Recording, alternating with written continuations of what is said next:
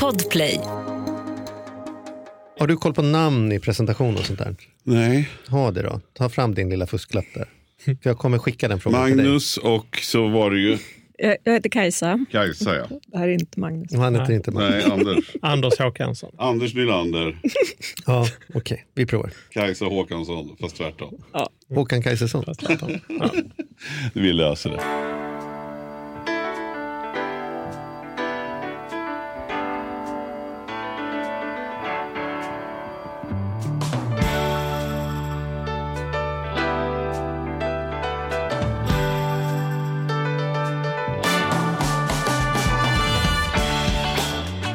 Och hjärtligt välkomna till veckans avsnitt av Ekonomi på riktigt med Charlie och Mattias. Hur är läget med Mattias Andersson? Det är jättebra. Ja, fan vad stor klocka du har idag. Har jag? Ja, Ja, men den är ganska stor. jag var ute vi hade ju den där när vi poddade och så att vi hade en AV efter med både Ja, Magnus och, och då märkte jag att ni började prata klockor efter en stund där och då märkte du att jag zoomade ut lite för att jag förstår ju inte ens vad ni säger. Men då plocka upp någonting. Är det så att man pratar om hur stor en klocka är, att det finns en siffra på?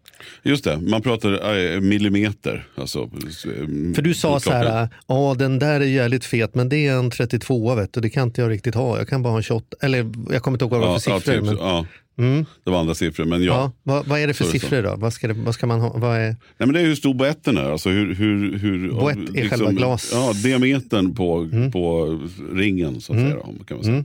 Det är, och, och den här tillhör en av de större. och då är den 47. 47. Och Ja, det, det, det, det är stort. är stort. Ja. Ja, Ja. så är det. Du har ingen mer om det?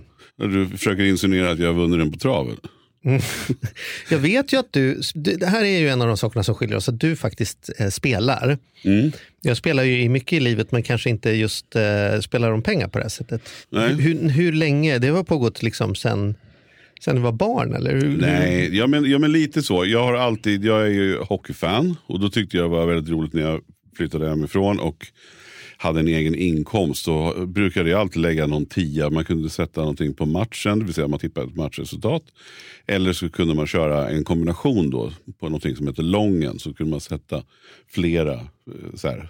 Jag tror att den vinner, den vinner, den vinner, den vinner i en omgång. Så att säga. Men sen så var det, sen, sen har det så här, ja, med tanke på gästerna idag så får vi se här nu hur vi ska Men jag, jag, kör, jag är ärlig här. Men då var det verkligen så att när pandemin slog till så var det, för, och jag är, jag är sportnörd, jag gillar att se all sport. Ja. Och typ Nej, inte enda- snooker som är min Jo, favoritsport. snooker är fantastiskt. Du kollar på den? Ja, ja, Ja. ja. På Eurosport sent på kvällarna. Ja. Det är ju magiskt. Och Ja. Sullivan tog hem. Ja, vi släpper Och ibland hamnar jag på, på dart också. Det är Dart? ju häftigt att se grabbarna kasta dart. Det är Ja. ju fascinerande. Liksom. All sport är ju, Ja. har ju sin... Så, här. Ja, så jag tittar mycket sport och så plötsligt pandemin, ingen sport. Men som min granne säger, hästarna travar varje lördag. och, det, och det gör de ju. Och det gjorde de ju även under pandemin. Så då Mm. Jaha. var det så här, jag och min son som är 21, Mm. vi började liksom intressera oss lite mer. Och, och min pappa då som inte heller, han hade knappt tittat på trav innan men Mm. är väldigt sportfånig. Så det varit en grej för oss kring, kring lördagen då på V75 Mm. att, att spela på hästarna. Och min son, Är det där eh, man ska han ha lär sig ju. 13 Han? Nej, det är nej, det är sju, v, någon- V75, du ska ha sju Ah, hästar. okej. Mm. Min son är ju som en, när man är 21 så är man ju som en sån tom dator, som bara, eller tomt minne som bara fylls på. Så att har han sett ett lopp, då minns han ju det veckan Mhm. på vilken häst som var bra och dålig. Och, för mig är det ju blankt bara. Jag får ju bara Mm. titta på hemsidan. Liksom. Jaha.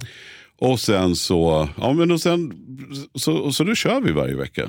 Bra eller dåligt, jag tycker det är skitkul. Men, men har du någon upplevelse av att du spelar som att, alltså, tänker du på så här, "När fan nu förlorar jag pengar eller nu vann jag pengar? Alltså, tillför det dig någon, någon spänning att du har någon stake i gamet liksom? Eller, eller är Ja. det bara så här, Nej, men jag, jag är också med i ett större... Eh, så här då. Jag kör en hundring med, mina, med sonen och farfar. Vi, vi lägger en hundring var. 100 000? Nej, 100 kronor. Ja. Och de räknar jag med. Det för, det är som en kostnad. Det är nästan som att gå på bio eller vad som Det är helst. Inträdesbiljetten för att För orka någonting. se hästar på Ja, lördagar. så en hundring det får det kosta. Och mer spelar vi inte för. Liksom. That's it. Sen är det ju kul om, vi, om, om det blir några kronor. Och det har det blivit ibland. Och ibland så ofta så blir det ju ingenting. Nej. Men det är i alla fall någonting man samlas runt, hörs kring och, och lite sådär. Sen har jag med i ett annat gäng där jag lägger ännu en hundring.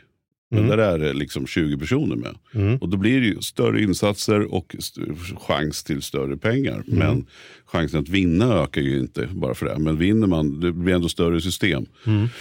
Mm. Och då så för inte så länge sedan så vart det lite pengar. Alltså ett gäng tusen. Liksom. Blir du, det blir du lite så här, fan nu vart det... Det här kanske, alltså, är du en sån som blir revanschsugen när du förlorar eller blir du som lite medvind och hittar på att nu kanske jag, det här kanske jag... Förstår du vad jag menar? Ja. Finns det någon speljävel i dig som kan Nej, ta jag, farten? jag har funderat på det. Och framförallt nu, vi, vi kommer ju alldeles snart dags att introducera Mm. dagens gäster. Det var inte ett långt intro här. Men, men jag satt och tänkte på det innan. För vi var ju med om några hemska ögonblick när vi spelade in Lyxfällan för väldigt många år sedan. Ja. När vi träffade ett par, tre stycken. Framförallt var det en kille nere i Skåne som var spelberoende. Det var jävligt jobbigt alltså. Ja, det var Och, och, och för mig, är så här, jag, jag kan lättare förstå en alkoholist i att en alkoholist behöver ha ett ämne. Liksom, sådär. Och det, här, det är ju det här vi ska snacka om. Då. Men att det finns ju ändå något fysiskt där som gör att, att jag kan förstå en alkoholist mer på något vis. Men Man är jag, så tränad jag, på att känna igen det. Man ser ju så här, det är en sån där och det börjar Ja, så där. precis. det Och sen så sådär. bestämmer man sig börjar drickas mer och sen så Ja. dricks det Och ytterligare. sen så ser sen- man, sitter på en parkbänk, då fattar man sen. Ja, ja men det kan, jag tycker man kan se långt innan dess. Ja, det är klart. Men på, Mm. på ett spel så har jag svårt att förstå det. Jag tittar också på en serie nu, Fartblinda, som går på TV4, eller på C More, som handlar just om ett spel. En kille som drabbas hårt av spel och tar sitt liv. Och då är, jag har ju så svårt att förstå det, alltså hur man hamnar där. För för mig händer inte det här på en hundring. Eller Nej. så här, jag, det, det händer inte i mig att jag Nej. blir så här, åh nu ska jag. Och jag är glad att det inte gör det. Och gör jag det så lär man väl tänka till då. Men det är det här vi ska prata om. Ja. Och nu, nu eh, ska vi verkligen få veta. För vi har här en representant från Svenska Spel. Mm. Och då kan man ju tycka så här, man jobbar på Svenska Spel men ändå kanske inte, ja, alltså det kan man ju, Nej, det ska vi lista ut. Är Det de en lite- langare som inte vill att folk ska köpa? ja eller? precis, Va- det är lite, mm. det är lite konstigt. Eh, och då har vi Kajsa från Svenska Spel här. Mm. Men sen har vi också en professor i rummet. Och det är inte alltid, vi brukar ha en ekonomiprofessor. Ja, Men, men en spelprofessor. brukar. Det lät det som om det vore något så här golvdammsugare. Nej, nej, men vi brukar Ja, ju ha brukar Micke ha- Dahlén här. Ja, det brukar vi. Ja, och det absolut. är alltid nära. Man skärper sig alltid när är en professor i rummet. Så är det. Ja. Mm. Och nu har vi då en spelprofessor som heter Anders som är från Lunds universitet och som jobbar tillsammans med Svenska Spel. här ska ni få, få berätta mer om. Så varmt välkomna till podden. Tack så jättemycket för att ni är här.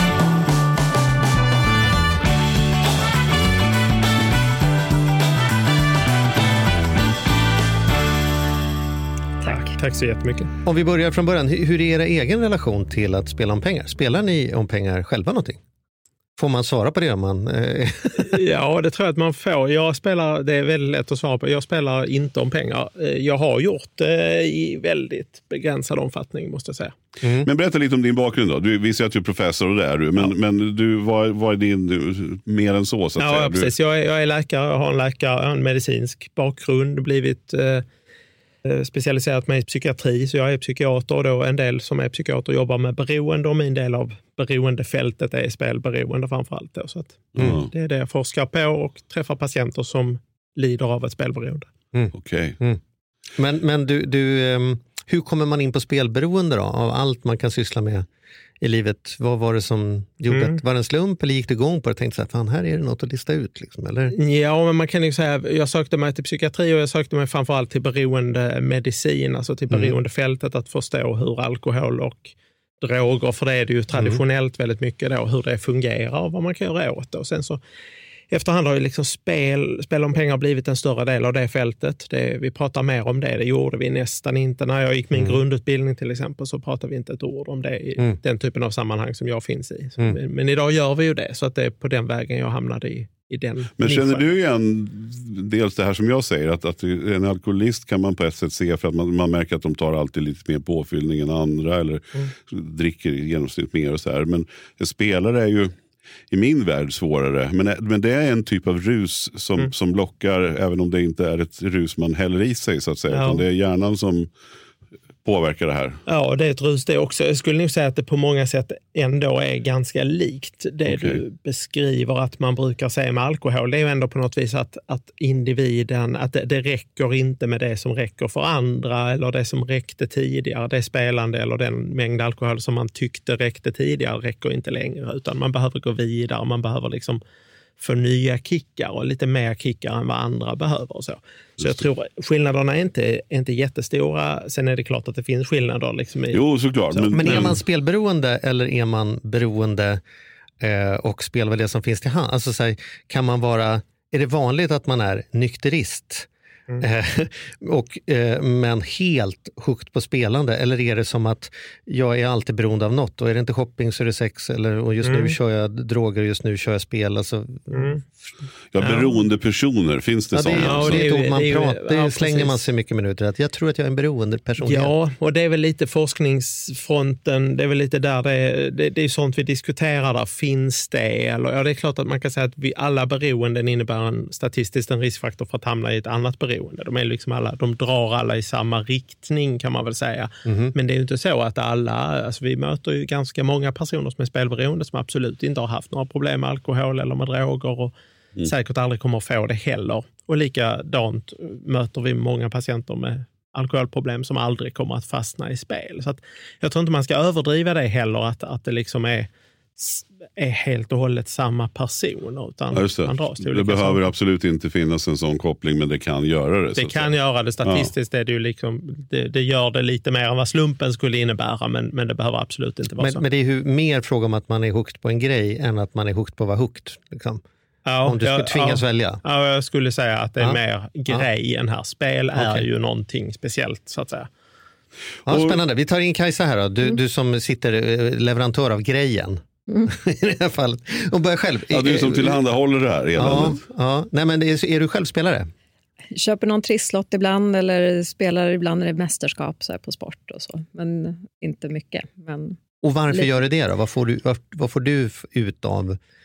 För du sitter ju ändå, och ni måste ju få så kvartalsrapporter och, och, och, grejer på jobbet. mm. Så du, du om någon måste ju veta att när du köper en lott så, så tyder ju allt på att du kommer gå back på det. Mm. Men du gör det ändå i alla fall, eller? vad, är det, vad, är det som gör att du köper, vad är det som att du köper någonting som, som ur ett statistiskt perspektiv köper du ju något för 30 kronor som är värt 3 kronor? Varför Ja, gör var du lite det? Som, som du nämnde tidigare, liksom att man, man, det är lite kul, det är lite spänning. Precis som att om du går på bio eller köper en drink, att det är liksom mer en, ett, ett nöje helt Ja, enkelt. Så, ja. Med liten, liten möjlighet till någon vinst. Så. Men För det, det, det är ändå det som man leker med. Ja, Alltså att, vi kan, att hjärnan inte riktigt kan förstå hur stor chansen är, men man kan ändå hooka på ordet att det finns en Ja. chans. men man vet att, Att jag är liksom tre skrapningar ifrån att aldrig mer behöver bekymra mig om området pengar. Liksom. Den är teoretiskt möjlig. Det är det inte på jobbet. Nej. Chefen kommer aldrig knacka på och säga, vet du vad, 20 miljoner i månaden tycker jag vi gör från det. Men det, det vet man att det kommer inte hända. Mm. Ja, min relation till spel är ju att jag har haft det i många år tillsammans med eh, min, eh, mina mamma och pappa och syskon har vi ett julklappsspel. Och då brukar jag, en av de sakerna jag lägger in i julklappsspelet varje år är en trisslott. Därför att det är så otroligt intressant. Ingen av dem är människor som sysslar med spel överhuvudtaget. Men det blir alltid så att du vet, jag vet att det nästan säkert inte är någonting. Så det är rimligare att ta doftljuset eller raggsockorna. Men om jag sen åker härifrån med ett par raggsockor och syrran fick 25 000 i månaden i 25 år och jag hade den men jag bytte bort den mot ett par raggsockor så kommer jag aldrig kunna förlåta. Jag kan unna syrran. Men du förstår vad jag menar? Den, där, den där delen av hjärnan som är ah, men det skulle kunna gå fuckar liksom upp det för oss alla. Jag menar inte att det är dåligt men det finns ändå så här. Men, men vet du, lägger du också trisslotten som i ett kuvert som man ser att det här är trisslotten? Nej, jag lägger den helt öppet så att för att skapa så dålig stämning det bara går. Jaha, du lägger den helt öppen. Ja, Ni kör ja. öppna? Ja, nej, ja, men först, ja, men man har så här, skitsamma, våra regler, alla egna regler. Men man, slår man en viss så får man byta med någon. Så så här, då vill jag ha ditt doftljus och du får mina hörlurar. Och sen Ja, så håller man på Men till tre minuter kvar, två minuter kvar, en minut kvar. Och då, ja, så man vet vad det är. Och då är trisslåten går ju väldigt mycket fram och tillbaka på slutet. Därför att det är som att man kan inte, ja men ni förstår vad jag Ja, ja, vi fattar. Men- jag ja. tycker att det är Postkodmiljonärens briljanta. Jag, jag liksom, sitt inte lottlös. Tänk om alla grannar vinner och så har jag, alla får en miljon utom jag. Det är som hemma, alla får glass men du fick ingenting. Får ingen glass, inga problem. Men om alla får glass utom jag, det kan jag fan inte tolerera. Då betalar jag hellre de här pengarna för att vara med varje i dragningen. Liksom. Vad säger du Anders? Är du med i, Mm. är, är det, känner du igen disk, Ja, ja, men det är klart. Alltså, på något vis är det ju det som är eh, en av drivkrafterna. Det finns många drivkrafter, men en av drivkrafterna med spel är ju att du vet aldrig hur det kommer att gå nästa gång.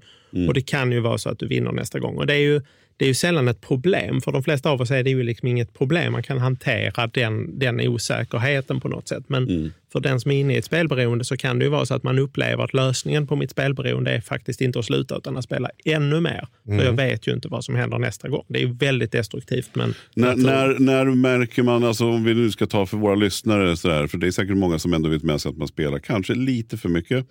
Och förutom de här givna tecknen att man inte kan försörja sig, man kan köpa mat till familjen, och de här, när det har gått ganska långt. Men vad, vad, vad ska man se upp med? När, när borde man tänka efter själv? Så här, att nej, men nu, ja, nu är det nog bra. Liksom. Ja, man ska ju absolut se upp när man liksom själv har planerat ett visst spelinnehåll, en viss session, vissa saker man vill spela på och verkligen har planerat för. Men när man liksom sen inne i spelet bryter de gränserna och börjar spela mycket mer eller på helt andra saker som man egentligen inte hade tänkt på. Så när man liksom går över det, sin e, när man bryter sin egen planering så tycker jag att det är ett, ett, en varningssignal. En annan jättestor varningssignal är ju att spelet framförallt sker för att vinna tillbaka det man har förlorat just på spel. Det vi kallar att jaga förluster, chasing losses. Det är ett ganska det är ett tydligt beroendetecken som man inte ska ha. Så att säga. Mm. Och det är ofta de människorna som i ett tidigt stadium pratar som att de faktiskt går med vinst på sitt spelande. Och så här, Mattias sa ju det, liksom så här, och vi får in lite pengar ibland. Och liksom så, här, så frågar man Mattias så är det nästan så att han tänker att han genom åren har gått plus minus noll på sitt spelande, vilket ju tyder på att ni har fel i er resultat och balansräkning, för alla verkar typ få tillbaka åtminstone pengarna. Så att, tills man börjar kolla efter på kontot och ser att det är ju faktiskt så att När vi sätter undan vinsterna på ett konto, vi ligger ju back såklart. När vi sätter bara Ja. undan alla vinster så reser man för att göra något kul för dem ihop sen. Men det, men det är det som är, är inte det lite unikt med spelberoende? Att, att det finns ändå en mikroskopisk chans att lösningen är att missbruka mer. För det är ju inte så med, med, med kokain eller alkohol, är det ju inte som att det kanske finns en flaska renat där ute som man på riktigt blir en trevligare människa. Och om jag bara hittar den flaskan, då kommer alla mina problem vara lösta. Men, Ja. men spel kan man ju ändå underhålla idén om, det har varit nere nu och nu är det 13 gånger på rad som jag inte vunnit, så nu måste den här maskinen dela ut alldeles strax liksom här konstiga, Ja. ma- magiska, logiska... Ja, jo, men det, det är precis så som du säger. Det, är- det, det är ju det enda beroende vi känner än så länge där liksom man kan få för sig att lösningen är att fortsätta. Så att det, det är precis så. Och sen är ju spel, spel är ju liksom designade, det som är poängen med spel och varför vi spelar, det är, det är ju att de är ju designade för att vi ska tro att vi har mer kontroll än vad vi egentligen har. Vi ska liksom känna att jag, jag tror att jag vet lite grann hur jag ska påverka nästa utfall, även om jag absolut inte kan det. Hur då? då? Ja, men det är en, man tänker så här att om man, man skulle inte gå fram till en spelautomat, stoppa i pengar och man vet att de pengarna hela tiden blir mindre. Liksom Om man stoppar in 100 kronor i en automat och det kommer ut 90 kronor, det, det skulle liksom människor inte locka särskilt mycket av. Men det som gör att man ändå lockas av den typen av instrument är ju att man spelet skänker en någon slags, vi kallar det illusion of control, någon slags känsla av att jag tror ändå att jag kan förutse hur jag ska göra. Och jag, jag tror att om jag bara känner att, att den där strategin var, lyckades nästan så tror jag att jag ska upprepa den och, och nästa gång kanske det går bra.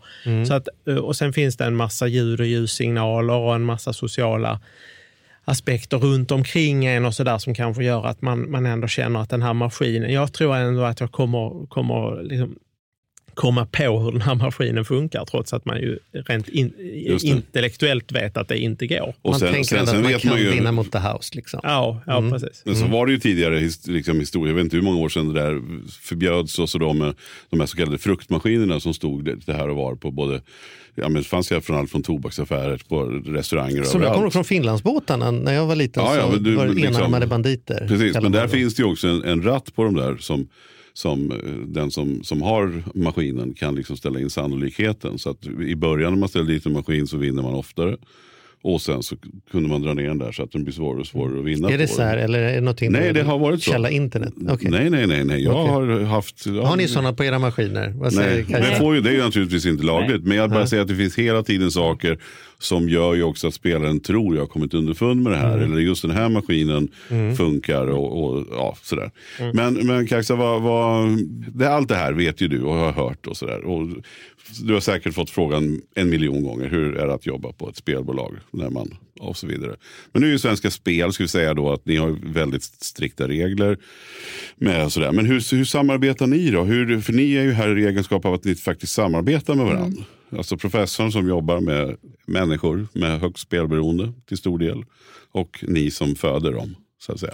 Ja, alltså vi jobbar ju väldigt eh, proaktivt för att liksom, mot, Alltså vi vill ju inte ha kunder som är spelberoende såklart. Vi vill ha kunder som spelar för nöjes skull och som ja, kan ha ett hållbart spelande egentligen. Och där kommer ju forskningen in också, liksom hur man kan motverka spelproblem redan från början. Och vi har det redan inne från början när vi utvecklar produkterna. Så gör vi en analys utifrån risk, liksom hur snabbt spelet är, hur, hur fort kan man spela bort mycket pengar och så vidare. Och då Mhm. anpassar vi Mm. spelansvaret per produkt också. Liksom, så att Vad betyder det? Så att- Spelansvaret per Nej, produkt? men så att det inte ska bli så mycket risker eller hur mycket, om vi, man behöver ha, hur fort man ska kunna spela eller om man ska få någon notifiering i, under tiden som man spelar till exempel, att nu kanske dags att ta en paus till exempel. Hur mäter man hur fort, alltså ni har något nyckeltal som säger så här, maximal förlust per minut grej. ja, alltså det finns en, ett eh, verktyg där, vi, där man gör, alltså de, de som utvecklar våra spel Ja. kan, kan se liksom, vilken typ av ansvar behöver vi här och hur är risknivån på det här. Ja. Men sen så har ju också våra kunder då ett, eh, vi har en tjänst eller ett verktyg i, på spelkontot som heter Min spelkoll. Där du sätter dina gränser, där du kan följa ditt spelande. Och där har vi jobbat mycket med att göra det ännu tydligare så att du ska ha koll på just det här som att man ser inte bara hur mycket du har vunnit men också hur mycket du har spelat bort. Så att du vet hela tiden vad, hur statistiken ser ut på ditt eget spelande. Mm. För det är jätteviktigt att ha den kollen, för då, då kan du också liksom, spela för nöjes skull om du också faktiskt vet eh, hur, mycket du, hur mycket tid du lägger på ditt spel och hur mycket du har spelat bort till exempel. Då. Och där har vi, ja, det finns ju massa regler, man måste ha insättningsgränser och så vidare då, enligt spellagen. Och där jobbar vi också proaktivt med att om en kund har höga spelgränser så gör vi också en inkomstkoll för att se att de inte sätter en gräns som är långt över vad de faktiskt har förmåga att ha. Mhm. Så att om du vill ha en, en, en gräns på 10 000 kronor i månaden, då gör vi en inkomstkoll. Om du är yngre, typ 18 till 19 år, då är gränsen 1 000 kronor i månaden. 20 till 24 år så är det 5 000 kronor. Då gör vi en check på det och ser att du faktiskt har möjlighet att spela för den Om man vill ha pengar. 100 000 i Ja, månaden. om du kan ha det, om du har möjlighet att ha det, då får du ha det. Men, men då måste du också ha ett hållbart spelande. Och det, det ser vi också. Om du då visar risktecken, då har vi andra åtgärder för det. Så ni sitter ändå och har koll på en. Ja, och det har man ju Det är, lite, det är ändå så. Alltså, Ja, det, ja. och det måste vi ha enligt lag egentligen. Då. Så alla, alla spelbolag med licens i Sverige behöver ha den kollen på sina kunder. Det är något som heter omsorgsplikt. Så vi ska egentligen så reagera innan en kund själv vet, kanske ibland, att de har ett riskspelande, så ska vi ändå ha koll på det.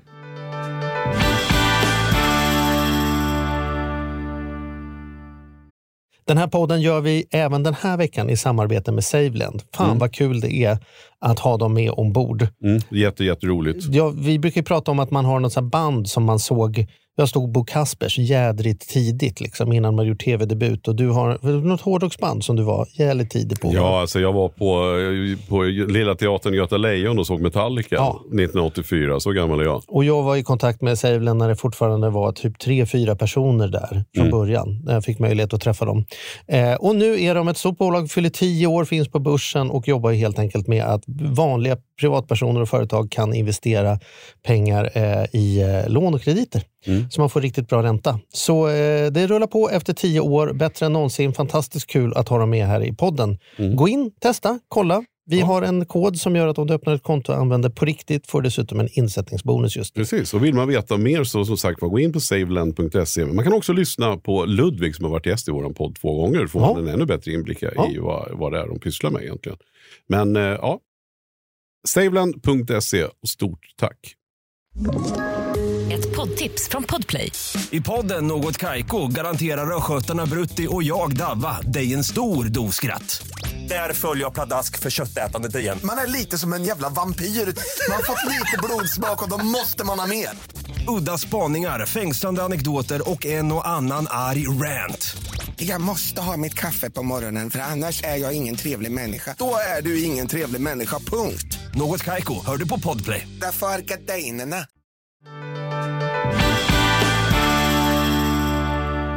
Men jag varit lite förvånad för att här om, ja, det kan ha varit någon månad sedan. Jag hade inte spelat på Svenska Spel eh, tidigare. Jag tog hem appen. Därför att vi var några kompisar som pratade om hur skulle det gå ikväll. Och det var just en sån fotbollsmatch som du, som du nämnde, ett matchresultat. Och då tänkte jag, ja, men då, då ska jag också vara med. Så att jag gick in och la ett matchresultat. Jag vet inte vad jag satt för gräns, men jag gjorde ju det där som man skulle göra. Men då var jag lite förvånad.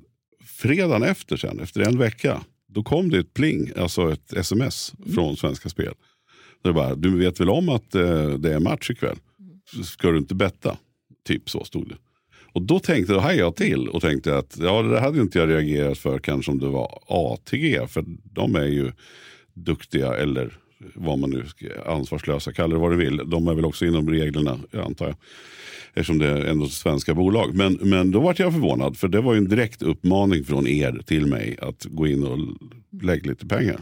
Är ni bättre än, än de andra eller kan man säga att alla följer samma regler? och det, ja, det är klart att du är stolt över det arbetet ni gör förstås. att Men om vi skulle titta objektivt, kan man påstå att, att ni är liksom ett helt annat regelverk än, än någon annan aktör i Sverige? Eller? Så vi har ju samma regelverk, sen kanske vi tolkar det på olika sätt, hur långt vi går i olika... Alltså vi gör inte reklam till exempel för de allra snabbaste spelen. Vi erbjuder inte så free spins, vi har inga VIP-program, vi har inga bonusar på de snabba spelen heller. Men däremot så gör vi reklam som vilket bolag som helst. Vi ska ju gå med vinst. Så att, eh, det, det är klart att vi också gör reklam. När det, Det var väl någon regel för inte så många år sedan där man rensade upp ganska mycket i spelträsket. Va? Visst var det så? Det, det kommer ju tydligare riktlinjer kring det också. Hur Mm. mycket reklam du får göra och för vilka spel och så. Så att, Mm. eh, absolut. Men vi, vi har ju samma regelverk allihop. Vad är det svåraste för er i ert jobb? Liksom? Vad, vad, när ni har tar fram strategitavlan, vad är det klurigaste? Liksom? Frågan ni måste bolla hela tiden. Men det är så, vi måste ju ha rätt verktyg för, rätt, för, för dig, liksom för varje individ vid rätt tidpunkt. Och eh, ingen får falla mellan stolarna. Så att det, är, det är individer vi pratar om, så att det är inte procent hit och dit. Utan vi vill ju inte att någon ska få problem eller spela bort mer pengar än vad de har och så vidare. Eller utveckla ett problem. Så att det är alltid en utmaning. Men vi jobbar ju jättehårt för att liksom täppa till alla gap hela tiden och säkerställa att vi når alla som vi behöver nå. Och Det vi också gör då, om, vi ser att, den, att kunder visar något tecken på problem så kontaktar vi dem på olika sätt. Det kan vara via den här, alltså att det kommer en signal i ditt spel. Du kan få en uppmaning, göra ett självtest till exempel, för att, du ska ha koll på ditt eget spelande.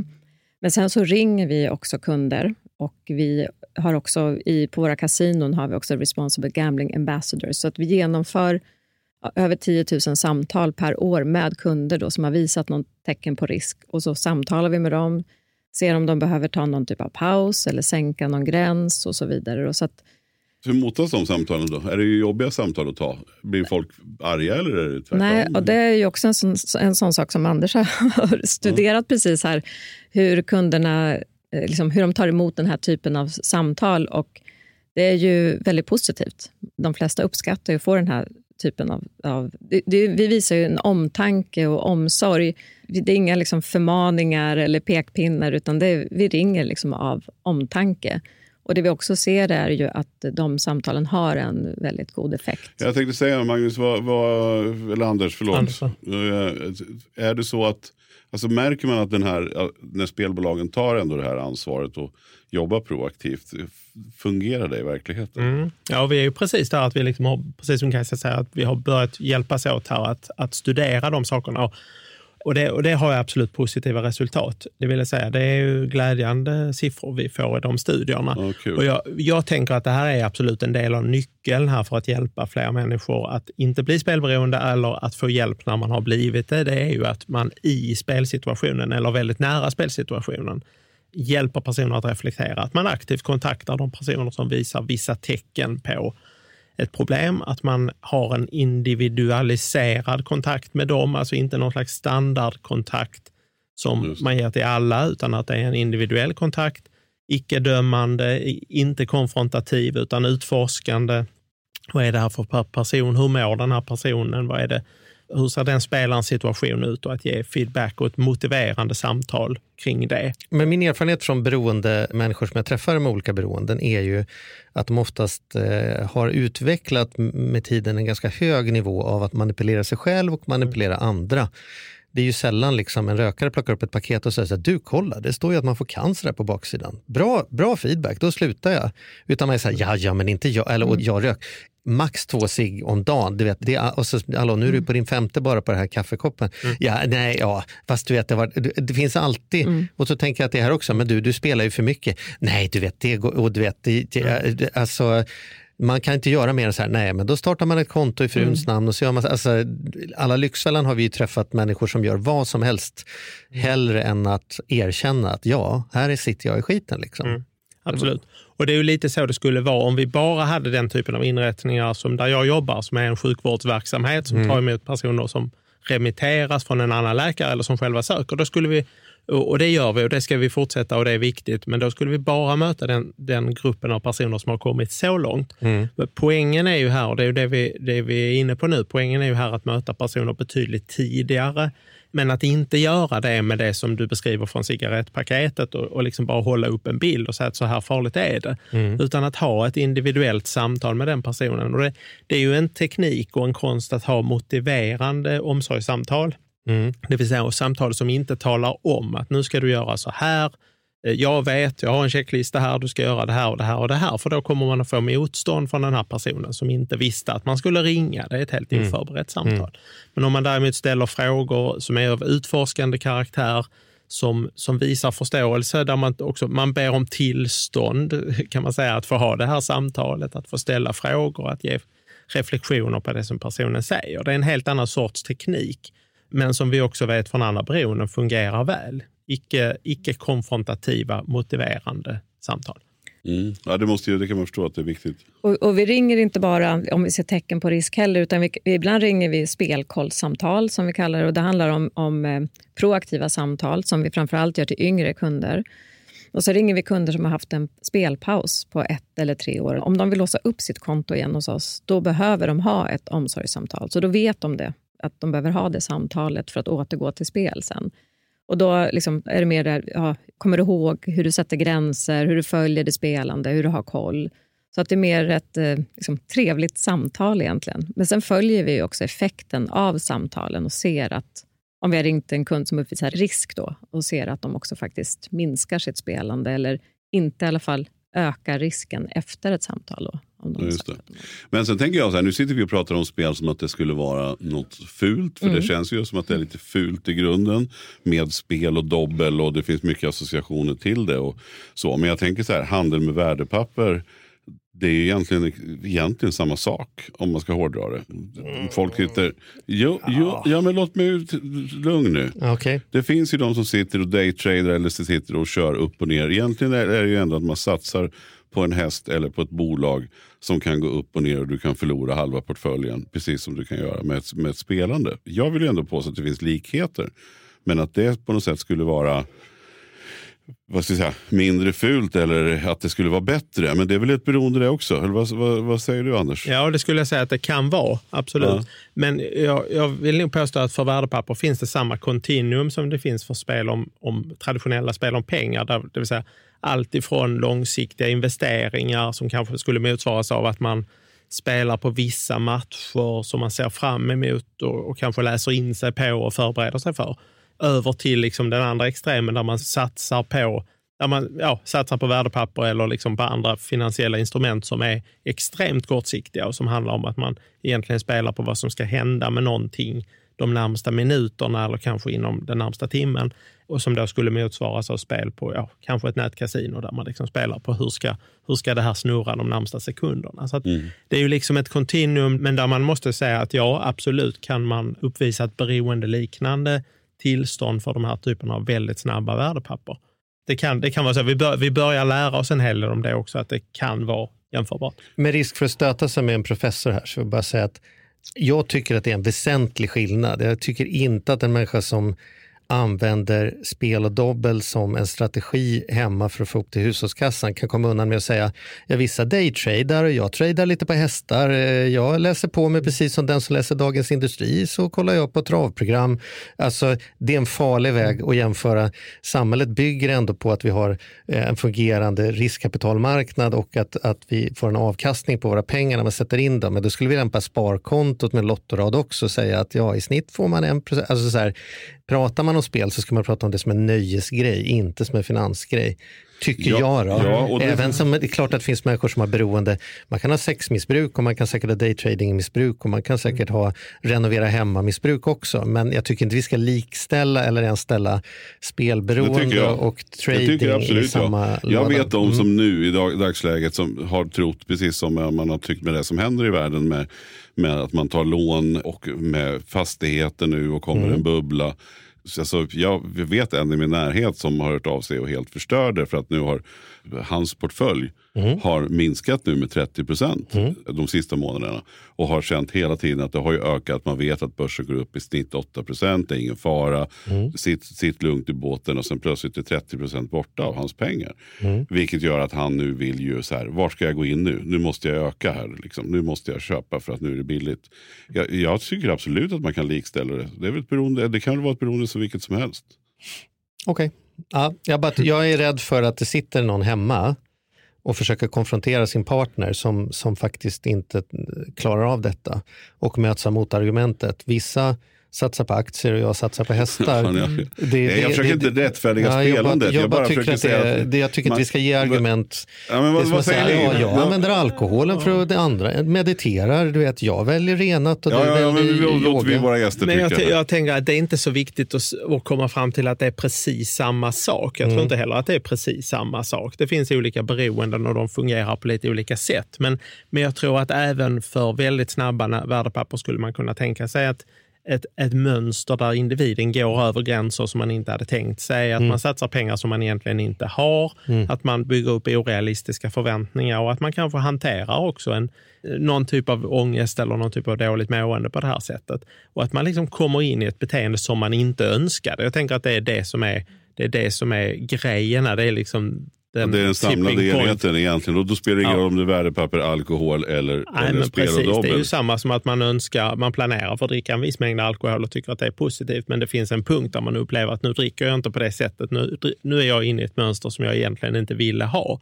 Och det kan man se för spel om pengar och man kan se, se det för värdepapper och för mycket annat också. Ha- Handlar det inte lite om varför man gör saker? Att det är det som är liksom, varför du tradar eller Jo. varför du spelar? Jo, Alltså, Mm. a- absolut. Och att få liksom själv få insikt i det. Och att man ibland behöver hjälp med att gå tillbaka och reflektera kring varför, varför började jag med det Mm. här beteendet? Vad var det jag ville uppnå för något positivt med detta? Och kanske försöka hitta, hitta tillbaka dit. Men om man ska få lite så här, eh, liksom, eh, spelhacks från insidan här. Då. Var får jag maximal liksom, tid av nöje för minimal insats? Liksom, du ska jämföra, du sa ju så här, där man kan vinna och förlora snabbt och långsamt. Vilka produkter är liksom, det här är, eh, du blir inte av med 100 000 om du så håller på hela dagen och vilka är det som så här kan det gå fort som 17? Liksom? Alltså jag kan inte ge några spelhacks. Jag är inte på den nivån och det är Nej. inte det jag jobbar med heller. Utan jag jobbar med hållbarhetsfrågorna och där spelansvar är en, en viktig del. Ja. Så att jag inte liksom... Men om vi vänder på frågan och säger så här, då, när, när det börjar bli problem, vilka typer av spel verkar det vara som, som där ni oftast ser så här, det här är, okej, har de gått in hit, då, kan man, då är det större risk att det inte bara är nöje som pågår. Liksom. Det, det är mer hur du spelar det. Alltså, sen kan man ju säga att ett, det är inte så många som är beroende av att spela, alltså köpa trisslotter. Alltså, det är väldigt låg risk kan man säga. Men, men ju snabbare spel det är, nätkasinospel till exempel, där så är, ökar ju risken. Eftersom du kan spela bort mycket pengar fort och du kanske också vill vinna tillbaka de pengarna. Då. Så att eh, där, där är ju mer risken högre men också kanske avkastningen högre. Jag tänker vi ska prata lite, eh, jag var ju inne på det här, men jag tänker vi ska eh, ta den frågan på riktigt. Om man har eh, en oro för någon i sin närhet. En förälder, ett barn, ett syskon, en respektive. Alltså hur, hur, ett, hur kan jag börja få när borde jag vara orolig och inte orolig och vad är det för tecken jag kan leta efter? är den första frågan. Den andra frågan är, vad kan man göra om man känner att ups, det här orkar jag inte titta på men det finns något här och frågar blir han bara arg eller vad det liksom så här. Mm. Hur känner man igen det och vad kan man göra? Mm. För det här drar ju med sig hela familjer. Liksom. Ja, precis. Nej, men om jag ska börja där så kan man säga att det är ju inte, det är inte alldeles enkelt att, att liksom hjälpa en person som inte är där att man vill ha hjälp. Men, men man kan ju jag tycker att man ska bli orolig när man upplever att den person man lever med eh, upptas i tankarna alldeles för mycket av detta. Och när, när man känner att spel om pengar tar en mycket större plats i den personens liv än, än andra saker som personen egentligen värderar högt. Så, så. Och sen, sen, är det inte alldeles enkelt att säga att spel om pengar syns inte, det märks inte på riktigt samma sätt som som vissa andra beroenden gör. Så det är inte alldeles enkelt förstås att se när det händer. Men vad man, vad man ska göra om man är orolig, förutom att prata om det hemma, så kan man säga att numera finns det ändå hjälp att få. Vi har en utmärkt stödlinje som många hör i reklam och ser i spelreklam och så, men som är ett utmärkt verktyg som är öppet för för chatt och för telefon och så, att, att kontakta för ett samtal. Och Det kan man göra även som anhörig då för att få lite tips och råd. Mm. Och Sen finns det formell behandling för personer som har, har problem. Och det, är både, det finns i alla kommuner. Alla kommuner har en, ett ansvar att ge behandling för spelberoende. Många regioner, regioner har det egentligen också. Vissa regioner har mottagningar specifikt för spel om pengar. Vi har det till exempel. Så att det kan vara sjukvården och det är alltid kommunen. Och på en nivå innan dess så är stödlinjen ett bra, en bra början för att reflektera och ställa lite nyfikna frågor också. Mm. Jag tänker du Kajsa, vad, vad, ni sitter ju och har samtal också. Får liksom, vad är känslan av vad som funkar och inte funkar? Om jag är rädd att Andrea är hemma, jag misstänker att hon ljuger. Vad gjorde du? Gick inte Larfens tre i natt? Nej, jag, och så, så, ja, oj, vad är det här? Konstigt uttag, från kont konstigt uttag från kontot. Ja, det där var nog kanske flyg. Nej, ja, det, nej strunt i det. Jag kollar upp. Alltså, så bara så här, det är något här. Jag liksom känner inte igen den här personen och det verkar både som tid och pengar försvinner i ett, och jag märker att jag får liksom inte se in mm. någon som försöker gömma ett område. Så skulle jag väl kunna tänka att ganska vanligt att det ser ut. Liksom. Mm. Ja, det är jättesvårt. För att eh, de som är beroende de är också väldigt bra på att ljuga både för sig själva och för andra.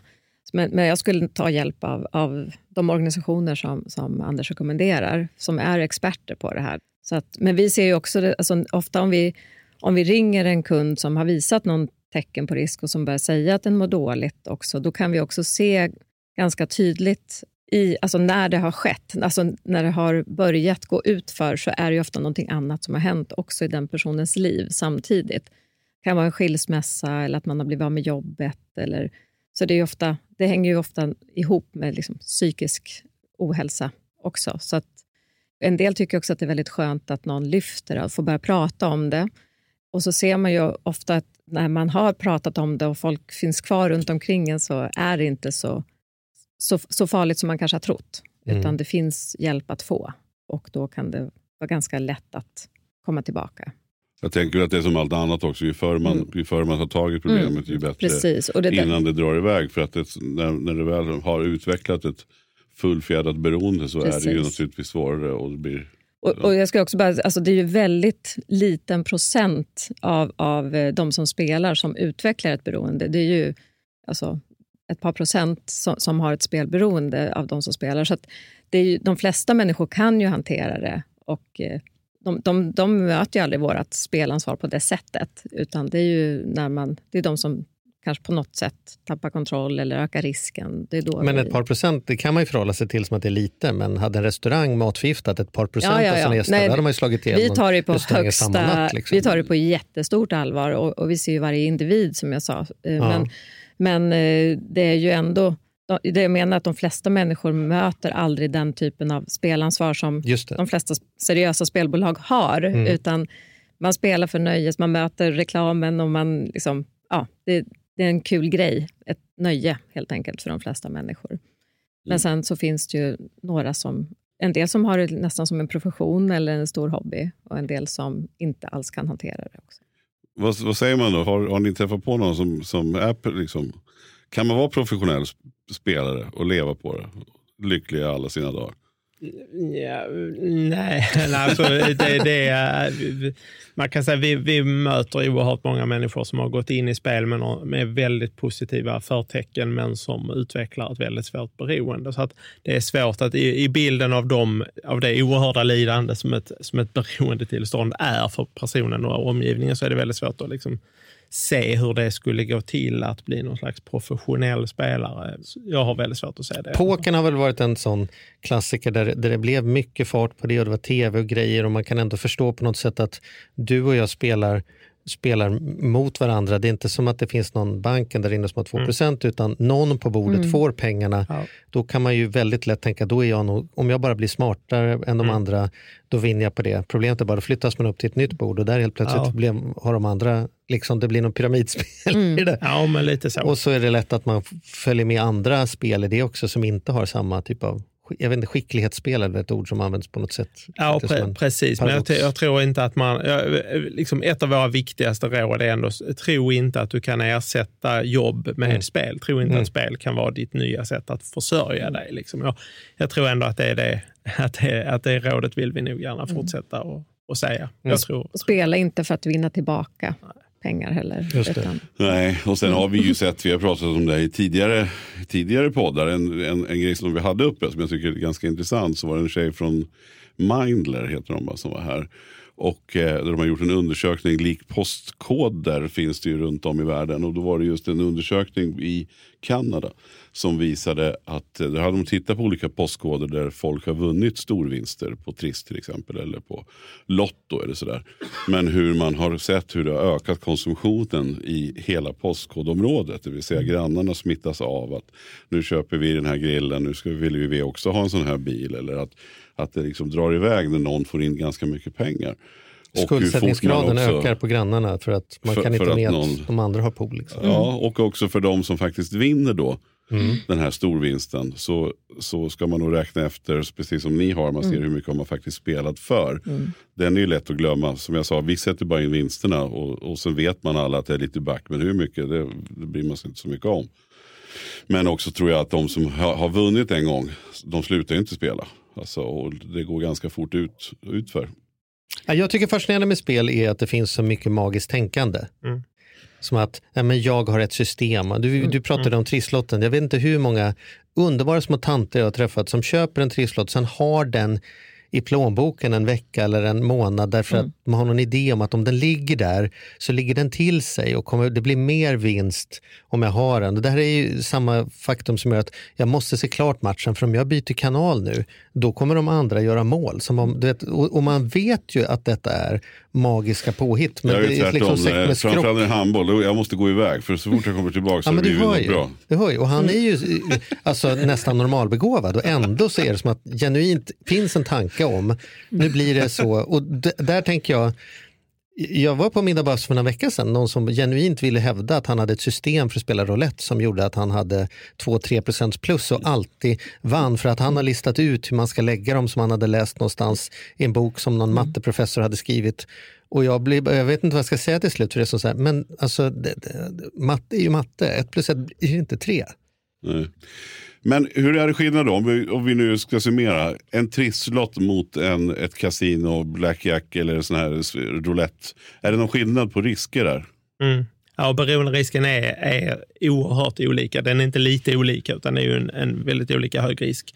Snabba nätbaserade spel är eh, förknippade med oerhört mycket högre beroenderisk och en, en väldigt stor majoritet av de som söker vård hos oss spelar nätkasino. Så är det.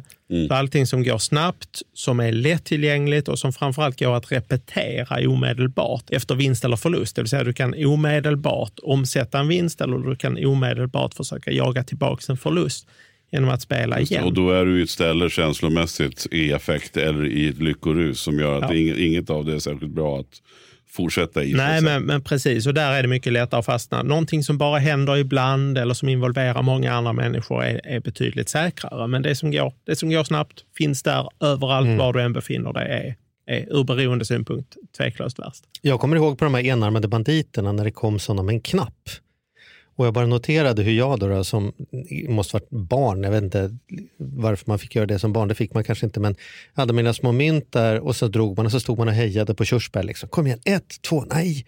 Och så bredvid satt någon tant som hade stoppat in ett kort och bara tryckte på knapp, tryckte, tryckte, tryckte, tryckte en gång per sekund. Stannade inte ens och tittade vad det blev, utan bara satt och tryckte därför förr eller senare så trillade det ut någonting här. Blub, blub, dubbla, tryckte, tryckte, dubbla, tryckte, tryckte, tryckte, tryckte, tryckte och satt där hela resan och bara tryckte liksom själlöst och uppenbarligen ingen njutning och dessutom då, drog iväg mycket mer pengar. Och det är väl det som har flyttat till nätkasino-risken.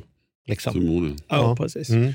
Ja, men Ja, det här är det var intressant ämne. att höra. Mm. Ja, och var försiktiga där ute när ni spelar, om ni spelar. Och som sagt var, det ligger nära. Även tänk på det, snabba placeringar. Snabb shopping på nätet har vi också varit inne på. Det finns många risker här, men framförallt spel då är ju inte att leka med helt enkelt. Så kan vi summera. Vet du vad Mattias, det här är faktiskt ytterligare ett argument för det här med gemensam ekonomi. Alltså, det är faktiskt så att en kontrollfaktor är, är man två personer som tittar på samma konton, oavsett alltså att jag kan se Andreas konton, hon kan se mina konton eller vi går in till samma konto. Det kan man tänka då, det är ju risken att man spelar bort bådas pengar, men å andra sidan syns det ju tidigt. Man stämmer ändå av och säger så här, vad är det här för utgift, vad är det här för någonting? Det blir svårare att ljuga. har du ett argument till till Ja. när vi träffar Skilsmässopodden. Ja. Mar, Mar, nu jävlar, nu Ja, kommer jag. nu kommer Nej, du. men alltså, därför att det, det är just det, att, att är det någon som ser Sitter jag och dricker hemma i mörkret, det är svårt för någon annan att se, men dricker jag för mycket på fest tio gånger i rad, då vet jag att mina kompisar ska säga, du, är det okej eller? Därför att det verkar inte som att du är här för att ha kul med oss, utan mer att det handlar om att liksom kunna slockna så fort det går. Liksom. Och den önskar man att man kunde göra.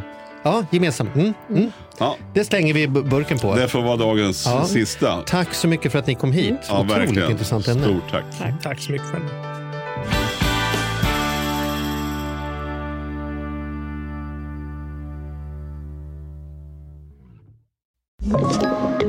Podplay.